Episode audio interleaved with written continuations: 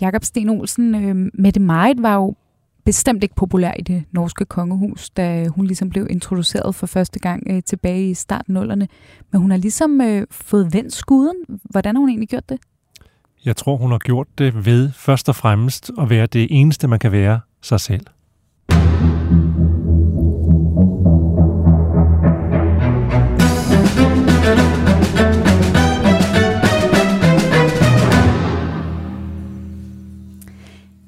Denne uge skal vi, som den kloge lytter måske allerede, allerede har regnet ud, tale om den norske kronprinsesse Mette Marit, der for få uger siden blev sygemeldt, men heldigvis er i bedring nu.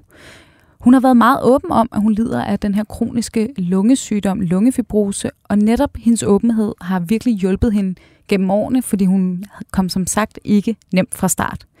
Selvom hun i dag er, er populær blandt nordmændene, så var det nemlig ikke sådan, det blev set, da kronprins Håkon første gang introducerede offentligheden for den enlige mor, han havde forelsket sig i. Vi skal se nærmere på Mette Marits rimelig vilde historie og forløbet fra øh, ja, enlig ukendt mor til lige pludselig at være hele Norges øh, kronprinsesse. Og så tager vi også et kig på øh, det norske kongehus tilstand, fordi øh, der er ikke så stor opbakning, som der var engang. Og det gør jeg sammen med dig, fastven af programmet, Jakob Sten Olsen, Berlinskes kongehuskommentator. Velkommen til. Tak skal du have. Mit navn er som altid Fie Vest. Velkommen til Kongehuset bag kulissen.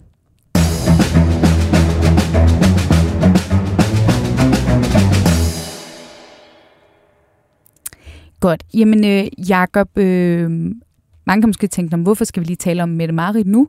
Øhm, og, øh, og, og det er der flere grunde til. Et, øh, kan jeg jo høre på jer lyttere, som øh, skriver til mig derude. Øh, der er en stor opmærksomhed på øh, de øh, nordiske kongehuse i disse dage. Heller ikke så underligt måske, fordi Karl Gustav lige har fejret jubilæum. Men så kom det jo også ud for et par uger siden, at øh, Mette Marit blev sygemeldt. Øh, jeg sad selv faktisk på redaktionen, da det, da det øh, dumpede ind, og og vi snakkede om det her med, at det, det er meget bemærkelsesværdigt ved det norske kongehus, at de, de reagerer virkelig hurtigt. Altså sender ud, at oh, hun er sygemeldt i første omgang lige en kort periode, øhm, og nu meldte man så ud her i, i forgårs, at øh, hun er i bedring, og man regner med, at hun kan deltage i, øh, i officielle besøg i november, hvor øh, hun og kronprinsen skal til Tyskland. Øhm, og der er jo, det er jo den her sygdom, jeg også var inde på i starten, lungefibrose, som hun øh, gik offentligt ud og, øh, og fortalte om i 2018. En kronisk øh, lungesygdom. Og, øh, og det er jo egentlig rimelig bemærkelsesværdigt, at man på den måde øh, er så åben og ærlig omkring sin sygdom, som hun har været. Øh, kan du huske dengang, hun gik ud med det, og hvad man ligesom snakkede om i den forbindelse? At hun, hun, hun gav jo et rigtig stort interview til NRK blandt andet. Jamen det var jo exceptionelt, netop fordi øh, det gælder jo generelt i vores samfund, at sygdom er en privat sag øh, så man kan diskutere, hvor meget er hun pligt til at dele med offentligheden. Øh, vores egen dronning har været igennem en større rygoperation. Vi ved stadigvæk ikke i princippet, hvad det er, dronningen er blevet opereret for. Vi ved, det er noget med ryggen, men mere detaljeret har man altså ikke ønsket at være. Det skylder man også egentlig heller ikke, kan man sige. Øh, men jeg tror, det har været vigtigt at, for det norske kongehus øh, på det tidspunkt øh, at være meget tydelige med, hvad det var med det øh, meget led af, altså den her lungefibrose, som er en autoimmun sygdom, hvor øh, der bliver dannet arvæv på lungerne, og som kan gøre, at man i perioder er, er, er mere besværet end andre. Øh, så man kunne godt forudse, sådan som det også er sket i forskellige perioder, at Mette meget ville få svære ved simpelthen at passe sit job. Så for at der ikke skulle opstå for meget spekulation på grund af det, så, og det synes jeg er en fornuftig strategi, øh, så valgte man altså øh, at, at gå ud og være meget tydelig om, at hun fejlede af øh, ovenikøbet, som du selv siger i et interview med NRK, altså den norske øh, nationalfjernsyn, øh, hvor øh, hun optrådte med eget ansigt. Det var ikke bare en pressemeddelelse, som man sendte ud. Man gav også fuld adgang til hendes læger, som jeg synes er meget åbenmundet i forhold, øh, forhold til, øh, hvad de har fået hjemmel til at sige om hendes sygdom. Øh, og de er meget udramatiske i forhold til de her indledende faser, at det er på et meget lavt niveau. Det blev opdaget tidligt, øh, og, øh, men man er godt klar over, at det er en, øh, sygdom, som kan udvikle sig, og hvor man i perioder kan være mere øh, øh, plaget af den end andre. Ja. Så derfor var man nødt til at gå ud. Øh, og så kan man sige, der er jo også den fine øh, effekt ved det, når en, en person med gennemsnits kraft og anseelse som Mette Marit gør det, at man også er med til at aftabuisere den sygdom, man nu har fået. Man bruger den til noget fornuftigt. Ja. Noget, man måske godt sådan, øh, når man kigger lidt tilbage, kan være ked af, ikke helt skete, for eksempel når vi har haft sygdom i vores eget øh, kongehus med prins Henriks demens for eksempel. Ja. Der fik man det nærmeste, og det var ved jeg godt, at det var ikke sådan, det var tænkt, øh, men en bieffekt af den hemmelighedskrammeri, der var forbundet med det, var jo også, at det nærmest øh, øh, uforvarende sikkert sendte et signal om, at demens var noget, man nærmest skulle skamme sig over. Ja, ikke? at det skulle holdes øh, hemmeligt. Ja. Og der ja. synes jeg, at Mette Marit faktisk meget eksemplarisk øh, går ud og siger, jeg er kongelig, jeg er også bare menneskelig, jeg kan også få en sygdom, og det er derfor, jeg ikke kan deltage øh, altid, som, i, som jeg selv ville have ønsket, og som nordmændene måske også skulle have ønsket. Ja. Øh, så hun fik, øh, øh, jeg tror faktisk, at øh, det, den menneskelighed, hun lagde for dagen der, øh, og noget, som alle jo kunne relatere til at forstå, øh, har gjort blandt andet, at øh, nordmændene øh, øh, efter alle disse år ser øh, deres kronprinsesse som øh, et, øh, et øh, åbent, øh, så åbent altså, som man nu kan være øh, menneske som kongelig. Jeg synes jo også nu, øh, inden udsendelsen her, genså jeg lige det interview på NRK øh, fra 18, hvor hun netop i tale sætter sygdom, og hvor hun også bare sætter ord på, jamen det er da ikke nemt at skulle dele min sygdomshistorik og mit helbred med offentligheden. Altså man kan sige, at hun er berørt af det, ikke? men hun siger, men det, men det gør jeg så, fordi jeg synes, det er vigtigt at fortælle befolkningen, at jeg ikke kommer til at kunne arbejde. Altså den der sådan helt rene menneskelige reaktion. Ja, ikke? og hun om, har efterfølgende også talt om, hun faktisk, og det er jo, øh, og det kan man høre på den måde, hun taler om det, øh, at hun godt ved, at noget pjat, men at der også er en skam forbundet med ja. at, at have en sygdom. Man er jo ikke selv sky, skyldig, at man, får, øh, man bliver syg, men det kan man jo godt bære rundt på. Ja. Øh, en, en følelse af, af ikke at være top-tunet. Det skal vi jo alle sammen i det her præstationssamfund være. Når du så ikke er det, ovenikøbet i så offentlig og synlig en position, som hun har, øh, så, så gjorde det altså, at hun også psykisk jo, øh, det tror der pokker, men altså øh, var påvirket ja. af det, og hun nærmest skulle føle en skyldfølelse i forhold Jamen, til at have den Og jeg tænker da bare, øh, du ved... Øh, det har hun også talt om. Os andre bare, man er, hvis man er syg, øh, sygemeldt på arbejde, bare lidt, lidt, lidt tid, så kan man da få helt dårlig samvittighed, fordi jeg, er ikke, jeg bidrager ikke. Og, altså jeg tror at det er sådan en generel ting i vores samfund, at man kan føle skam ved sygdom, fordi ja. der er en forventning om, at man bidrager. Ikke? Ja, vi er alle sammen opdraget til det. Gudskelov for ellers hang det nok ikke sammen. Præcis. Men det er jo klart, at når du har et, sådan må du jo opfatte dit virke som kongelig, hvis du ellers tager det alvorligt og god til det, så er det klart, så er det en særlig opgave, og så er det et kald, at du står til rådighed for nationen. Du er, øh, du er til rådighed for nationen, og når du så ikke kan være det, så kan det jo godt føles, øh, enten det er rimeligt at have den følelse eller ej, som om man pjekker fra tjenesten. Ikke? Jo. Og jeg synes jo bare, det er bemærkelsesværdigt, og det er egentlig også en generel linje fra det norske kongehus, at de har ret jeg ved ikke om proaktiv er det rigtige ord, men, men det, er sådan, det er som om, at de sender deres øh, pressemeddelelser i den her sammenhæng hellere en postgang for tidligt end sent. Altså næsten også nogle gange i forbindelse med nogle af kong Haralds indlæggelser, hvor man, hvor man næsten sender ud, om bum, nu er han indlagt, øh, og han blev udskrevet i morgen, regner vi med, og hvor i det danske kongehus havde man måske sendt den på bagkant og sagt, nu har der været en øh, vellykket operation, øh, det er gået sådan og sådan, hvis det nu var. Ikke? Noget af det, du undgår ved den øh, norske øh, mere offensive pressestrategi, eller mere åbne pressestrategi, det er jo lige præcis, du undgår spekulation. Præcis. Ikke? At du, øh, du afdramatiserer det ved at fortælle det, som det er, for tit er det jo ikke værre end det er. Det er jo det. Yes. Nå, men Jacob, øh, således øh, hendes sygdomshistorik, og jeg synes jo netop, at den her åbenhed øh, er interessant, fordi, det kommer vi til at snakke mere om nu, hvis vi ruller tiden tilbage det er jo ved at være en 23 år siden, øh, øh, sådan cirka, øh, at, øh, at kronprins Håkon øh, stillede sig frem med, med Mette Marit og præsenterede hende for, for offentligheden. Og inden havde der jo været, øh, som der også var herhjemme med kronprinsesse Mary dengang, og spekulationer og presse og ugeblade og sådan noget.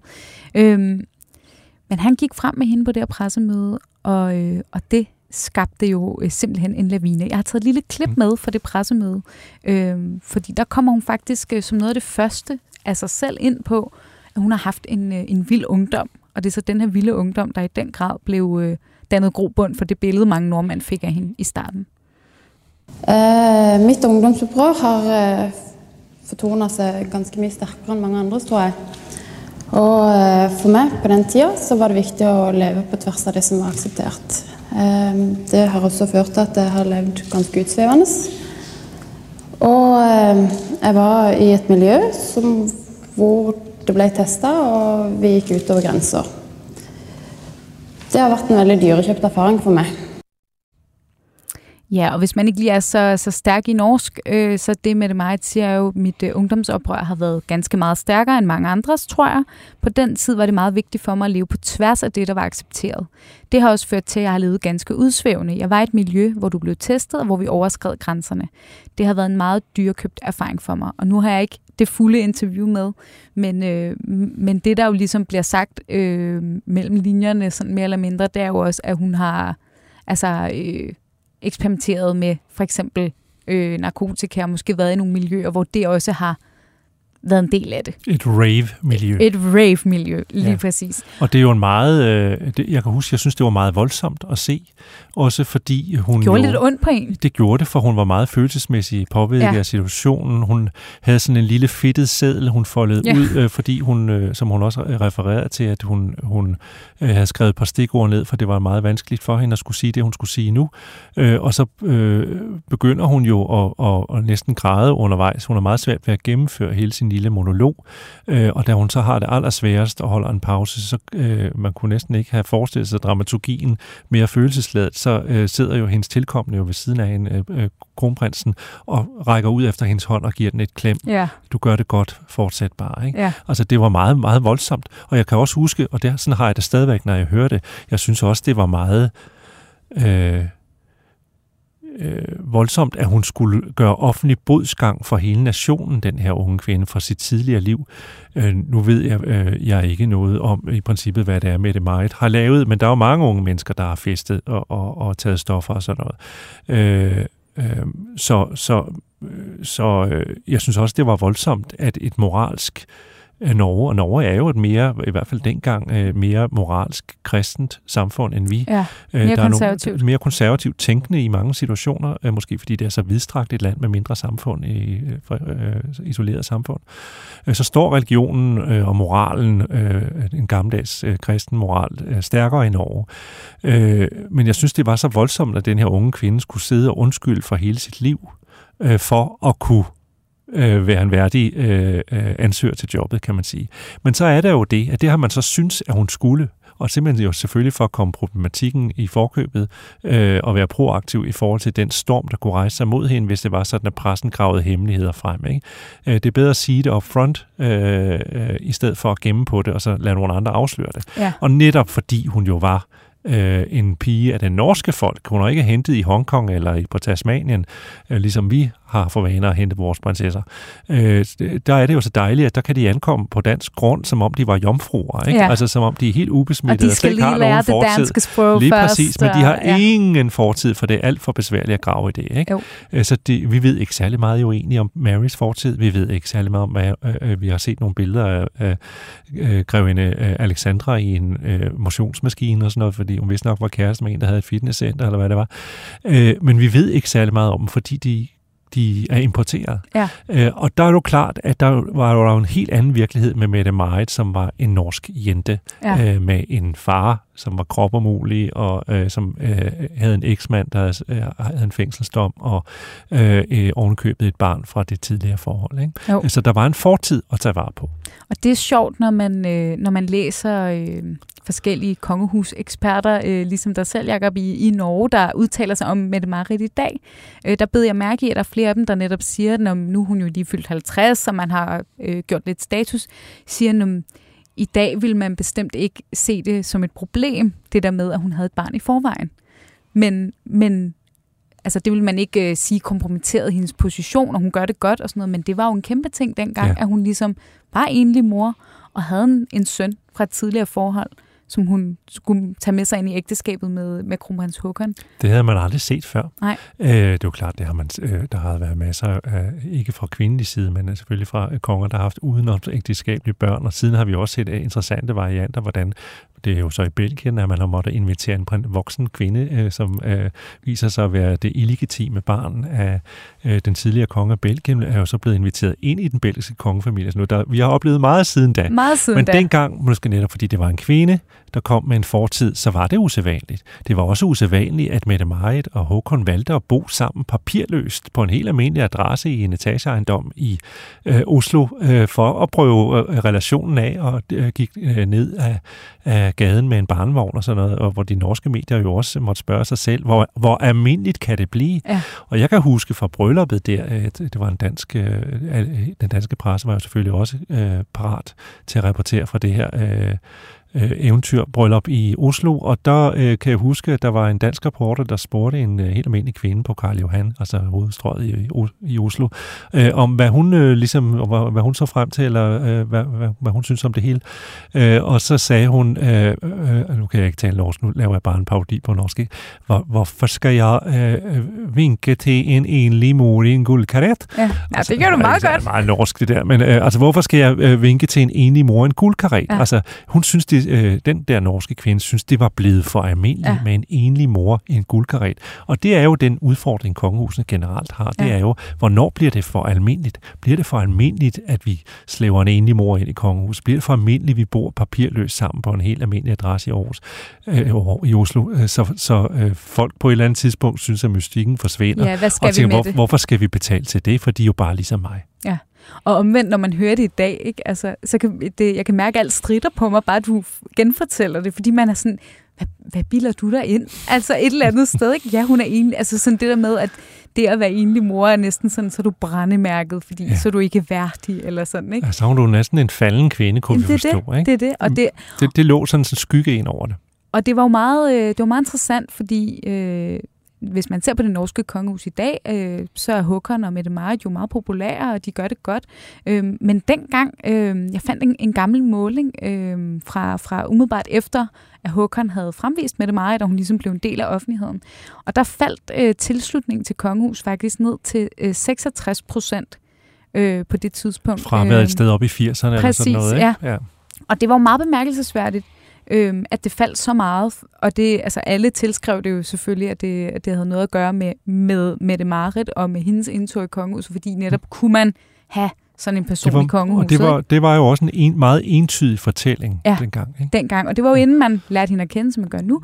Og så var det jo også, som, som øh, du også lige var inde på kort, det var jo ikke i går så en bare den vilde fortid. Det var ikke øh, bare, at hun var enlig mor. Så var der for eksempel også historierne om den her far, som jeg synes, vi skal komme ind på. Øh, jeg skal være ærlig sige, at jeg havde selv glemt den historie, indtil jeg, jeg sad og, og læste op på det, men jeg blev simpelthen så chokeret. Øh, fordi øh, det minder jo næsten om en historie, vi har talt om i nyere royal tid, har jeg lyst til at sige. Øh, Meghan Markles far vil mange nok kunne huske balladen om ham. Og Mette Marit havde jo også en far, som øh, det viste sig, øh, jeg har lyst til at sige, stod i ledtog med norsk se og hør. Ja, han var meget åbenmålet. Øh, det må man sige. Og, og øh, var simpelthen nærmest øh, on the payroll der. Øh, altså blev, øh, indgik simpelthen samarbejde om at levere historier om sin egen datter til norsk se og hør. Ja. Lidt, øh, på samme måde som vi jo kan forstå, at... Øh, at et brev, som Meghan Markle havde skrevet til sin far, havnede i pressens klør. Ikke? Jo. Øh, og det er jo kæmpe tillidsbrud. Øh, og, og det bliver jo ekstra besværligt gjort af lige præcis, øh, kan, øh, det, det er jo mareridtet, kan man sige, i forhold til lige præcis at hente en prinsesse af eget folk ind, øh, fordi de kommer jo med en fortid, som er i umiddelbar forlængelse af, af altså som, som, som meget nemt kan blive vivlet op. Ikke? Ja, og man kan nemt undersøge det. Ja. Og det var også sådan noget med, at se og høre betalte for hans bryllup ja. med en stripper. Med en stripper. Hvor der så var billeder, ikke? Så det, er jo, øh, det kan man jo godt se for sig i øh, ugebladet ja. som Se og Hør. Det svarer jo egentlig til det danske Se og Hør, den norske udgave. Øh, at det er en god historie. Altså Mette Marits fars øh, vilde stripperbryllup, ikke? Øh, ja. Og så viste det sig faktisk, at det var aftalt og totalt klappet af. Ja. Og så synes jeg jo en sjov krølle på det, er det her med, at øh, hvordan blev Mette Marit også behandlet i medierne. Øhm, og igen kan man jo trække nogle lidt sjove paralleller til Meghan Markle. Det er nok, der skal vi nok lidt længere hen i historien, før vi kan se tilbage på det helt på samme måde. Men, men der blev blandt andet lavet øh, den her artikel i VG, hvor man øh, lavede en meningsmåling, hvor man spurgte nordmændene, bør øh, Mette Marit droppe kontakten til sin far, eller bør hun genoptage kontakten, eller hvad skal hun gøre i forhold til den her far? Øh, som så faktisk også skabte vild debat, fordi kunne man, kunne man tillade sig det? at blande sig på den måde i hendes forhold til en far. Det blev nok øh, konklusion på det, at det kunne, at det man, kunne ikke. man så ikke. Og der var også en, øh, en, en øh, øh, presseetisk øh, øh, kan man sige, øh, dom over VG i forhold til simpelthen øh, og, øh, på ubehagelig måde øh, bede læserne om at forholde sig til noget, de strengt taget ikke burde forholde sig til. Ja. Øh, der var man inde og røre ved privat, øh, noget privat, øh, hvor man jo, på, hvis det havde handlet om øh, prinsessens måde at udføre sit værv på, eller noget andet, så, så havde man kunne gøre det. Ikke? Præcis. Det her kunne man ikke spørge, øh, bede folk om at have en holdning til. Øh, øh, det var voldsomt intimiderende. Ja, og det, debatten kom jo også til et punkt, hvor øh, altså kronprins Håkon blandede sig faktisk og var ude og sige, at der kommer vi måske lidt tilbage til den åbenhed, der faktisk også har kendetegnet kongehuset siden. Men han reagerede faktisk på det her og sagde, at det, han synes, det var over. Han, altså, du ved, som kongelig nu siger, nu har jeg ikke det specifikke citat med, men han sagde ligesom, jeg synes, at vi for vores samfund skal huske, det hvad burde pressen... give anledning til en diskussion om, hvad, hvor stregen går. Ikke? Jo, og hvad, hvad pressens hvad rolle er. bør gøre. Ja. Øh, på samme måde som Mette Marit jo også har været øh, proaktiv i forhold til, da hun synes, hun øh, den norske presse har fulgt meget med i lige præcis så hendes søn, altså som hun havde med sig ind i ægteskabet, hvordan hans opvækst øh, øh, skulle være, har fulgt ham gennem alle årene. Øh, og hun synes, da han fyldte 20, at øh, nu brugte de simpelthen for meget energi på ham, at han simpelthen var for udsat i den norske presse. Så hun jo også var ude åbent i et åbent brev til den norske presse og bede dem om at øh, lade ham være i fred. Ja. Fordi han netop ikke øh, har, øh, og det har han aldrig haft nogen øh, funktion i forhold til det, det norske kongehus. Han er medlem af familien, er med til, øh, til øh, familiebegivenheder, hvis han ellers har lyst til at komme. Øh, men han har ikke nogen officielle erhverv, så derfor mente hun ikke, at det var rimeligt, at man i den grad øh, beskæftigede sig med ham. Og, ja, for han har ingen gyldne kæder, så at sige. Nej, det har han ikke. Nej. Og hvis vi så lige inden vi, for vi skal snakke mere om vi skal snakke mere om Marius, øh, kan som jeg da godt hedder. afsløre, som ja. han hedder, Mette Marits øh, søn fra første ægteskab. Men hvis vi lige skal slå en krølle på, på den her opstandelse, der så var dengang, og til hvor vi er nu, øh, set med, med dine briller, Jacob, altså, hvor vendte det, og hvorfor vendte det? Fordi det virker jo, når man læser ned, at når man husker de der ting, det var så voldsomt, og der var så voldsom en modstand, som jo er forsvundet i dag. Altså nu er, nu er hun meget populær og vældigt. Altså, øh, man kan jo, øh, for det første kan man jo vende sig til meget. Så over tid, det ser vi jo. Øh, hvorfor er dronning Margrethe så populær, som hun er nu? Mere populær end nogensinde. Det er jo fordi, at hun har haft så mange år til øh, og, og vi, vi synes, hun skal være der. Ikke? Så, så man, kan vende, man vender sig til meget, tror jeg, i forhold til de kongelige, som kommer ind, også dem, som kommer ind i kongehuset over tid. Øh, men så det, det, det lykkes jo kun, kan man sige, hvis man så også er i stand til at mestre opgaven. Øh, Øh, og der har Mette Marit faktisk øh, mestret opgaven. Altså man kan sammenligne hende meget med øh, vores egen øh, kronprinsesse Mary i forhold til, at hun er god til at komme ud og tale med folk. Øh, hun øh, nordmanden opfatter hende som øh, varm, åben, leve, øh, som et levende menneske. Øh, og måske også øh, netop fordi hun kommer udefra som en, en kvinde, der er i stand til at takle den rolle med en modernitet og en øh, uhøjtidlighed, som nordmændene godt kan lide. Øh, og så tror jeg, det også har betydet meget, at hendes øh, mand på alle måder jo, øh, øh, som i øvrigt også er god til det, han gør. Han er meget god til at tale om de opgaver, han påtager sig. Øh, men han også har, hele vejen igennem har været meget tydelig med, at det, de er et team, øh, og det her er kvinden i mit liv, øh, øh, og at hun gør ham bedre. Øh, det synes jeg jo faktisk er noget af det virkelig smukke i den her fortælling, det der med, at han har bare stået har fuldstændig stået, ja. fast, altså gennem hele ja. forløbet. Og ikke? vi ved jo ikke, øh, der var masser af historier om, at kong Harald og øh, dronning Sonja synes ikke lige, det her var øh, det pa- et passende parti. Øh, men der må man også bare sige, at øh, hvis det skulle have været sådan, så var de jo selv et par, som i mange år måtte kæmpe for kærligheden, fordi det var øh, lige så kontroversielt dengang, de ville giftes, netop fordi hun ikke var prinsesse. De havde jo et, et overlangt forhold, øh, hvor de ikke kunne få lov til at få hinanden, fordi øh, øh, kong Haralds far, kong Olav, øh, var bange for, at det ikke var et passende parti. Øh, så øh, man kan sige, i forhold til at øh, vælge den kvinde, som man elsker at stå fast på, at det var det rigtige, som jeg er sikker på, at nordmændene synes, øh, at dronning Sonja har været, øh, der havde de heller ikke så meget at skulle have sagt, kan man sige. Det er lidt svært at vende ja. på en tallerken ja. i det spørgsmål. Ikke? Men han man... stod meget fast på det. Ikke? Jo, det må man sige. Øh, og den opbakning øh, har han på alle måder udstrålet op gennem øh, øh, hvad kan man sige, Mette Maris øh, vækst som kronprinsesse. Ikke? Jo.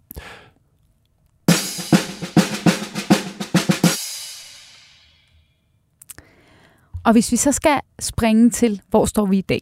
Øh, fordi nu, som vi var inde på, det, det går godt. Hun er, hun er blevet populær med det, Marit, og, og, øh, og hende og Håkon klarer det godt. Øh, men der er jo den her søn, Marius, som nu skal vi jo selvfølgelig passe på med, øh, nu har vi lige snakket om det med, at hun havde faktisk frabedt sig, at man gravede for meget ja, i hans det kan vi ikke liv. tage os af nu. Men øh, vi kommer så til at grave en lille smule alligevel, fordi han har jo vagt opsigt de seneste år. Øh, nu skal jeg lige... Øh, Marius øh, Borg Højby, det er hans fulde navn. Øh, fordi, øh, ja, han er jo lidt en jetsetter, faktisk. Er jo, bliver han jo i hvert fald omtalt som i, i de norske medier. Og, øhm, og øh, det kan være, du lige kan fortælle, Jacob, der var jo en, en ikke så heldig episode her. Det er jo faktisk for nylig i august. Ja. Øhm, til, øh, Ja, til en var, stor begivenhed. Det var meget ejendomligt, fordi uh, kronprinsparet er jo jævnealdrende, hvilket er meget pudsigt, fordi det er dronning Sonja og kong Harald også. De er 86, og kronprinsparet er jo begge to lige pludselig blevet 50. Uh, øh, men der var jo en stor fælles fest, hvor de havde inviteret 400 mennesker, og så fik man at vide, uh, at uh, Marius uh, var uh, hvad hedder sådan noget, upasselig. Han havde det ikke så godt, øh, så han kom ikke.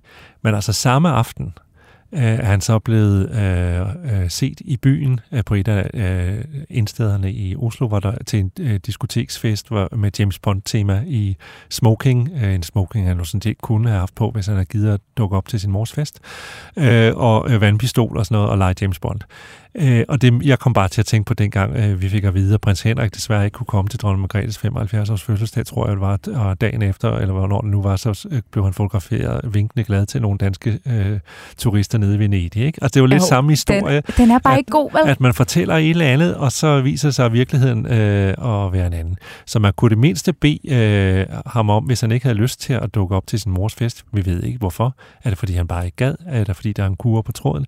Men så kunne man det, det mindste, om ikke andet, så for familiens skyld, måske lige have ligget lidt lavt. Ja, præcis. Det var I ikke så for at melde det så offentligt ud, at han ja. er syg. Ja. Hvad det... mindre at det var en del af hans kommunikation, og han ville fortælle offentligheden noget om relationen til familien. Det ved vi jo ikke. Det kan jo godt være. Og så var der jo også den her, synes jeg, lidt skægge øh, historie fra, fra starten af året. Jeg ved ikke, om du kan huske den, men men der var ligesom den her norske influencer, øh, meget populær influencer, der, blev, der tog et eller andet billede. Det tror jeg også var på en natklub med en veninde, og de står i spejlet, som, øh, som man nu gør, fristes jeg til at sige, jeg, jeg gør ikke. Øh, jeg er ikke så ung mere. Øh, men øh, på det billede er der så sådan en lille pose med hvidt pulver. Ja, og det, der var afgørende, var jo også teksten, som den her influencer havde øh, øh, udstyret sit billede med, nemlig som handlede om, at ja, ja, så, øh, men øh, jeg gør lige, hvad der passer mig, var Præcis. stort set øh, øh, det, der stod. Ikke? Præcis. Øh, og øh, det var jo ikke så heldigt. Nej, også fordi at en af de her influencer på billedet, som hed Nora Haugland, er så kæreste på det her tidspunkt ja. med Marius. Øh, så der bliver lige pludselig et, et direkte link faktisk, og der kan man selvfølgelig sige, der er det jo selvfølgelig, igen, han er ikke en officiel del af kongehuset, og det er jo så heldigt for dem i den her situation, men lige pludselig bliver, bliver de her influencer jo lagt massivt for had i Norge. Ja. Øh, der var... Øh, øh, alle mulige bånd til NRK, der var alle mulige sponsoraftaler, ja, det, der faldt med et brag. Ikke? For den øh, kæresten til øh, øh, Marius var jo podcast ja. vært øh, på NRK. Øh, 47 procent af nordmændene synes, hun skulle fyres omgående. Ja. Øh, og det var jo så heldigt, øh, kan man sige, at øh, det sagde de i hvert fald selv, at det, deres rejse til Barbados, øh, altså øh, Marius og hans kæreste altså rejse til Barbados, var planlagt i forvejen, men øh, meget betimeligt øh, tog de altså ud af landet og forsvandt for øh, pressekritikken. Ja, det var heldigt. Øh, tilbage var jo så øh, den øh, influencer, som havde lagt billedet ud, og som havde været meget sådan, øh, øh, givet en fuckfinger til alle, der måtte mene noget om, at hun, det var i hvert fald det, hun indikerede, tog stoffer. Øh, pludselig var hun ikke så kæphøj. Nej, det kan man ikke lige frem sige. Der har været meget stille omkring den siden ja. i hvert fald. Men, men sådan noget som det her, og, og den her adfærd, man kan sige, nu skal vi jo ikke øh, lade det lægge ham til last, at de billeder blev delt, det har han jo ikke i udgangspunktet noget at gøre med i hvert fald. Men, men er det et problem øh, for Mette Marit, for det norske kongehus, at, at hun har den her søn, der, der måske opfører sig sådan lidt upassende til tider? Altså, det, øh, det er jo det samme, øh, der gør sig gældende, kan man sige, ikke fordi de opfører sig upassende i forhold til øh, prins Joachims børn, for eksempel. Ikke? Øh, dronningen siger jo, at nu sætter jeg dem fri. Jeg gør dem en tjeneste. Det var den formulering, hun har brugt.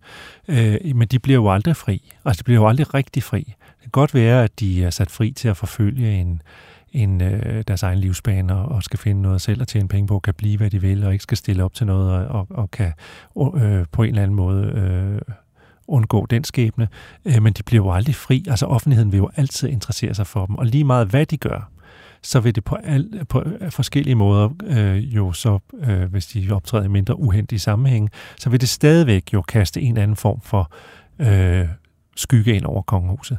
Men man kan jo gøre noget fornuftigt, som jeg synes, de har været rimelig fornuftige eller dygtige til i Norge, nemlig øh, kan man sige, at, øh, og det er jo også det, der ligger lidt bag vores egen dronnings beslutning om at fratage prins Joachims børn titlerne, at jo, jo øh, hvis du begrænser, du kan, du kan skære det døde ved fra, kan man sige. Ja. Du kan begrænse uh, problemerne ved at, at uh, simpelthen udskille medlemmer af, af kollektivet, altså kongehuset, uh, som du ikke har brug for, og så sige, øh, nu sejler de deres egen sø, vi har ikke noget ansvar for dem. Jo ja. færre der er at tage vare på, jo færre der er også, der kan lave ballade, kan man sige. Og det har man jo set for eksempel i forhold til, øh, når vi nu er i det norske kongehus, øh, Märtha Louise, altså øh, kronprins Håkons ældre søster, hun man havde ikke... Hvad mener du med ballade? Der? jeg tror, Hvor skal vi, vi starte? At, at referere, men alle kender jo til hendes øh, øh historik med øh, shamanen øh, og, og charlatanen, det kan vi vel godt kalde ham. Det var i hvert fald det, øh, kvaksalveren, det den, den norske ombudsmand kaldte ham. Ja. Øh, Jurek Verrett, den amerikanske øh, society guru. Ja, jeg skulle også sige, hvad skal man efterhånden efter, kalde ham? Ja, præcis. Øh, Men ja. nu efterhånden øh, snart også ægte mand til Märtha Louise, der har annonceret et bryllup til næste sommer. Det bliver spændende. Øh, og der har man jo simpelthen øh, besluttet sig for, at det bliver simpelthen for kulørt. Øh, vi kan ikke have øh, en øh, svigersøn i kongehuset øh, og en prinsesse, der er gift øh, eller sammen med en mand, som øh, direkte, kan man sige, går ind og taler imod det norske sundhedssystem og sådan noget. Øh, det, det gjorde jo, at øh, kongehuset lige pludselig øh, uforvarende kom i opposition øh, via sådan nogle udtalelser til, øh, til øh, store dele af det norske samfund. Altså, ja. øh, øh, og blandt andet øh, det, det norske øh, hospitaler. Ikke? Øh, og der var også, altså nu var jeg inde på, at øh, der var den her måling dengang, Mette Marit blev præsenteret, der var helt nede på øh, 66 procent. Der var jo netop en måling også øh, sidste år godt nok, øh, men, og det var jo også, så vidt jeg lige ved, inden titlerne, ja. altså inden man gik ud ja. og så faktisk fjernede titlerne, øh, hvor der kun var 67,7 procents øh, tilslutning ja, mod 81 procent tilbage i 2017. Og det handlede om Mette Marit. Og det var kun derfor. Ja, og, det, øh, øh, og der er også enighed om, at selvom det norske kongehus er meget proaktivt, de er meget hurtige til at reagere, de er også meget dygtige til, også i den Mette Marit, øh, øh, Mette Martha Louise historie, øh, meget dygtige til at stadigvæk øh, være åbne om de samtaler, de har i kongehuset. Det er ikke sådan, de frakender øh, Martha Louise og Jurek Verrett al ære og værdighed i det. De siger bare, at I skal ikke være en del af kongehuset, men I er stadigvæk en del af familien, og vi kan rigtig godt lide, at det, det man har indtryk af, at de taler sammen faktisk ja. i det norske kongehus, øh, og forsøger at nå til en form for enighed, selvom det selvfølgelig er kongen. Øh, det er ikke Märtha Louises egen opfindelse, at hun ikke længere er en del af kongehuset. Nej, det er det nok ikke. Det er det ikke. Men det er jo øh, rigtigt, det var lidt sjovt at se de parallelforløb i forhold til den ja. krise, vi selv havde, ikke? hvor ja. her der så man Håkon igen meget åbent gik ud og sagde, vi har nogle drøftelser i familien, ja. og det, jeg holder af min søster. Og, altså, der var ligesom sådan en, en helt anden åbenhed ja. omkring processen i det faktisk, ja, hvor, end der var i Danmark. Ikke? Hvor man, i Danmark virkede det nærmest som en krise i et eller andet øh, firma, eller sådan noget. Ikke? Jo. Øh, slet ikke som en familie, og man har stadigvæk ikke indtryk af, at den danske kongefamilie egentlig har været særlig meget i stue i forhold til det her spørgsmål. Prins Joachim har øh, nu en, et, et arbejde på den anden side af Atlanten, og har lagt sig ned. Øh, kan jo se, der ikke er mere vinde her, men man har ikke indtryk af, at det, øh, at, det at han tiger stille nu og accepterer sin skæbne, har særlig meget at gøre med, at man har siddet og kigget hinanden i øh, øjnene Nej. i det danske kongehus, har haft lange, dybe og interessante samtaler, hvor man har øh, nået til en fælles øh, erkendelse og fundet hinanden igen.